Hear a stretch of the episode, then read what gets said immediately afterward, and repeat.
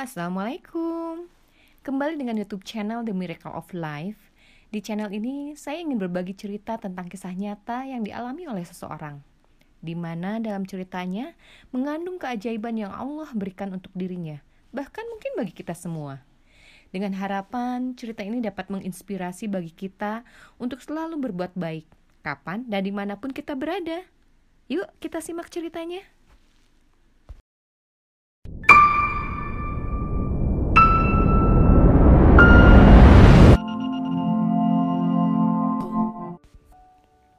Tiga tahun terakhir ini merupakan periode di mana aku memilih melepas karir. Sungguh, aku hidup dengan kalkulatornya Allah.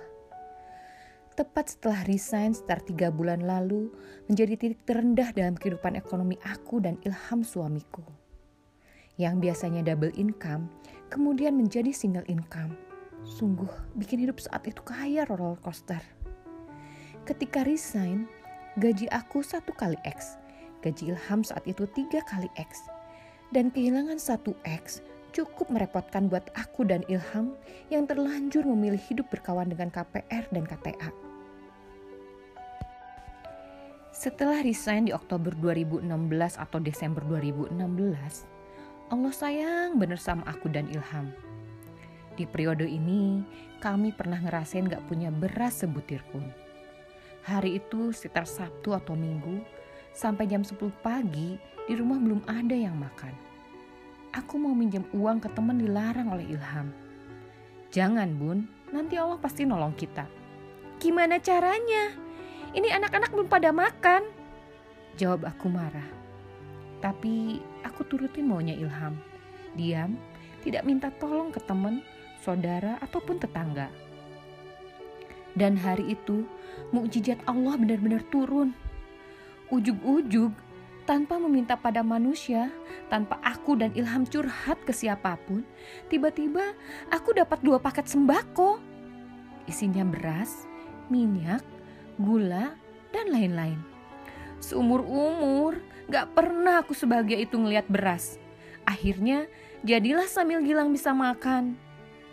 Kalau pakai logika manusia, gimana ceritanya itu orang yang tinggal di klaster Bintaro bisa dapat sembako.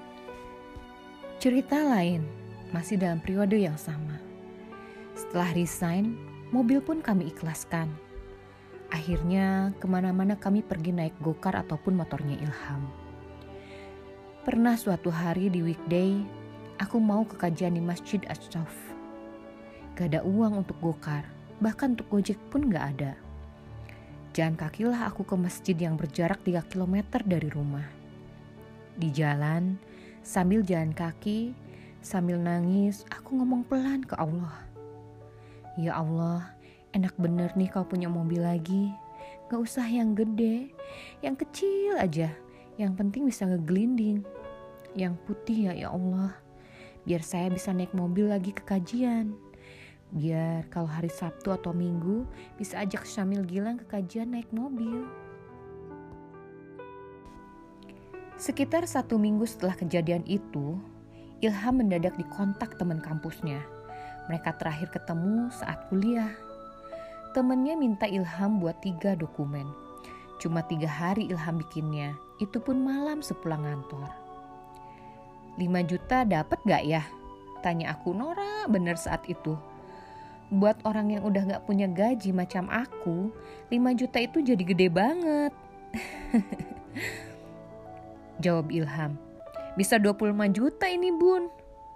Tapi seperti biasa, Ilham gak pernah ngomongin harga ke temennya. Dia gak mau pasang tarif kalau sama temen. Sekitar dua minggu setelah Ilham store dokumen ke kawannya, transferan pun masuk. Pulang kantor, Ilham tunjukin ke aku print out dari ATM-nya. Nominal yang temannya transfer 135 juta. Allahu Akbar.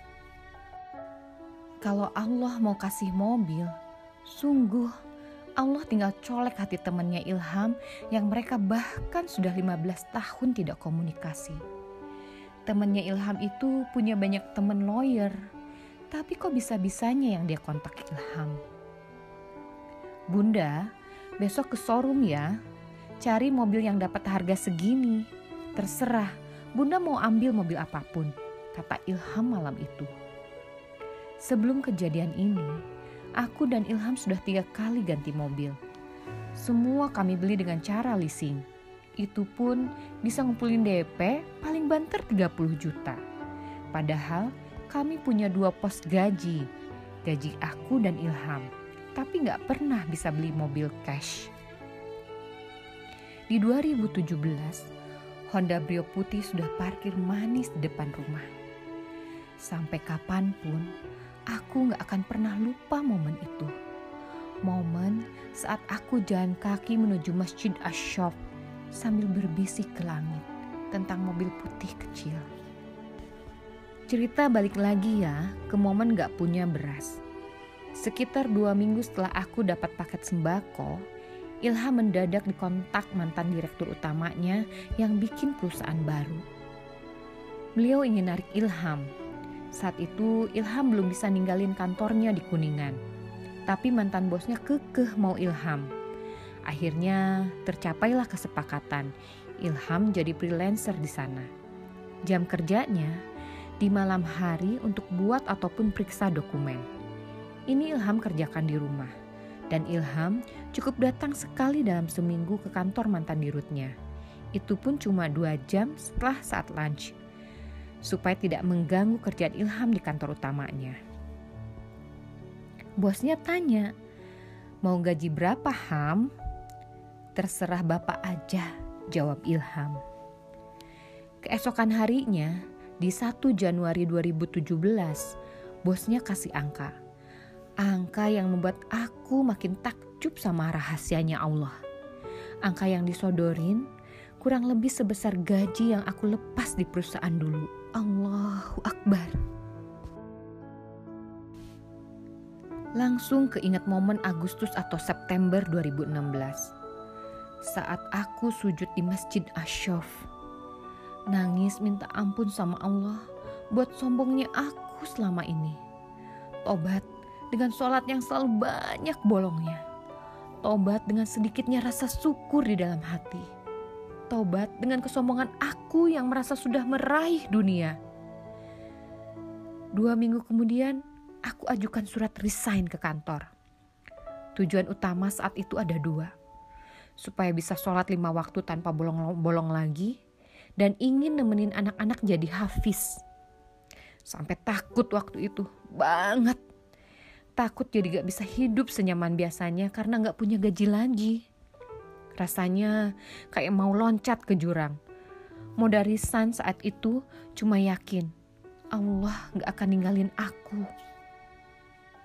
Dan gak pakai lama, 1 Januari 2017, Allah jawab doa lewat kerjaan freelance-nya Ilham. Sejak itu, Nominal X kembali datang tanpa aku perlu subuh-subuh berangkat ke kantor dan pulang larut malam. Tanpa harus keriting dikejar deadline tayang.